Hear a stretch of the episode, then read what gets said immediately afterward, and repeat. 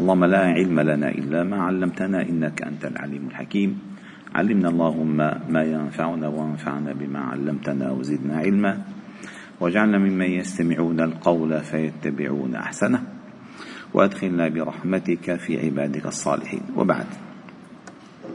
فلا نزال معكم يا الأحباب الكرام في مجالس سورة الكهف من فجر كل يوم جمعة.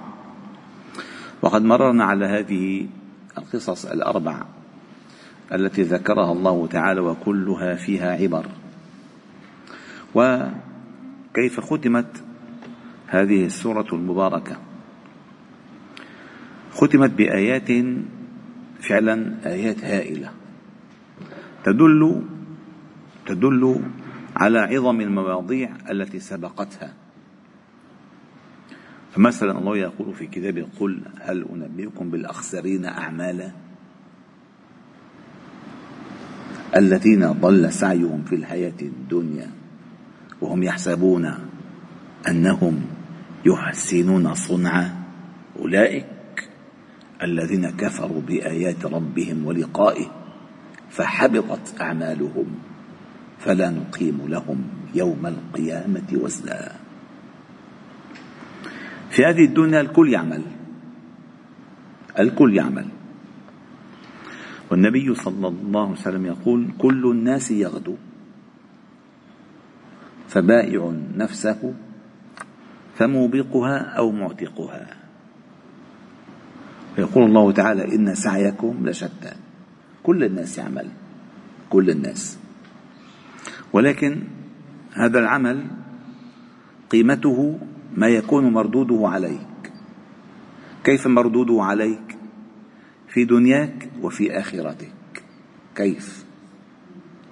إن كان مردوده عليك فقط تعمل له لأجل الدنيا فأنت من الأخسرين أعمالا. اولا لأن الله تعالى أصلح هذه الدنيا قبل أن تأتي الي أنت.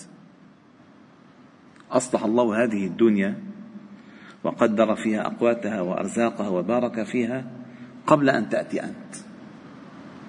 فأنت عندما أتيت لم تأتي لكثرة الإنتاج. لم تأتي لكثرة الإنتاج. ولا للمنافسة في الاستهلاك. ولا لإعمار جبالها وشق أنهارها ابدا. أنت أتيت للمحافظة على إصلاحها وصلاحها. فالله تعالى يقول ولا تفسدوا في الأرض بعد إصلاحها. فالله أصلحها بكل شيء. هلا كل الأمراض الذي يحيا بها الناس من إفساد الناس بالأرض إفساد الناس بالبحر إفساد الناس بالنهر إفساد الناس بالجو. كل الأمراض التي نعيشها نحن الآن. بل نقول أغلبها حتى لا نبالغ أغلبها من إفساد الإنسان في هذه الأرض. فافسد التربه وأفسد الماء وأفسد الغذاء وأفسد كل شيء. فاذا الله جل جلاله عندما أوجدنا في هذه الدنيا ما أوجدنا لمهمة قوة الإنتاج؟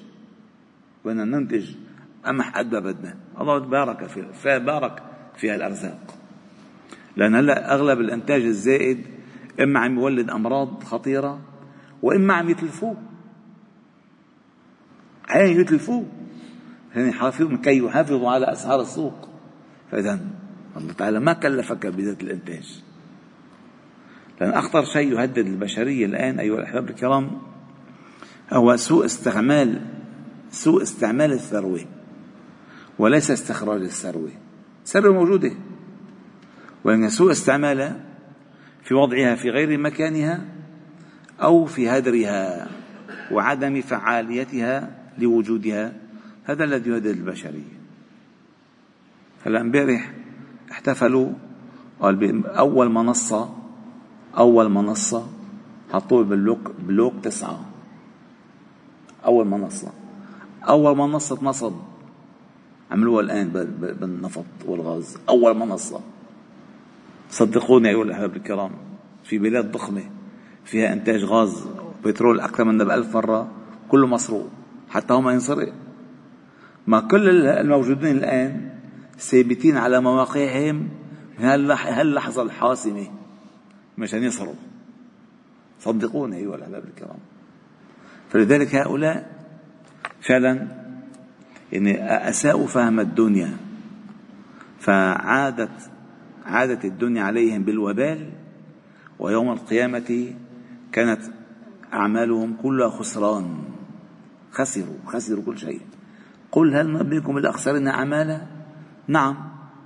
وصفهم الذين ضل سعيهم في الحياة الدنيا وهم يحسبون أنهم يحسنون صنعا. لما نجيب الازدهار مع البلد والأمن. ما أجى إلا البلاء. والله ما أجى على البلاء. والحمد لله رب العالمين. فلسطين فلسطين الداخلية آه، ما فيها نفط. فيها بالبحر. محل محتل إسرائيل. ولا كانت بلاء عظيم بلاء. حيثما وجد النفط وجد البلاء. حيثما وجد الثروة وجد البلاء.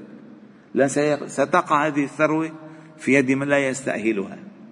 والله يقول في كتابه ولا تؤتوا السفهاء أموالكم التي جعل الله لكم قياما. السفيه لا يملك ولا يمكن. فإذا مكن السفيه افتقر الناس. افتقر الناس.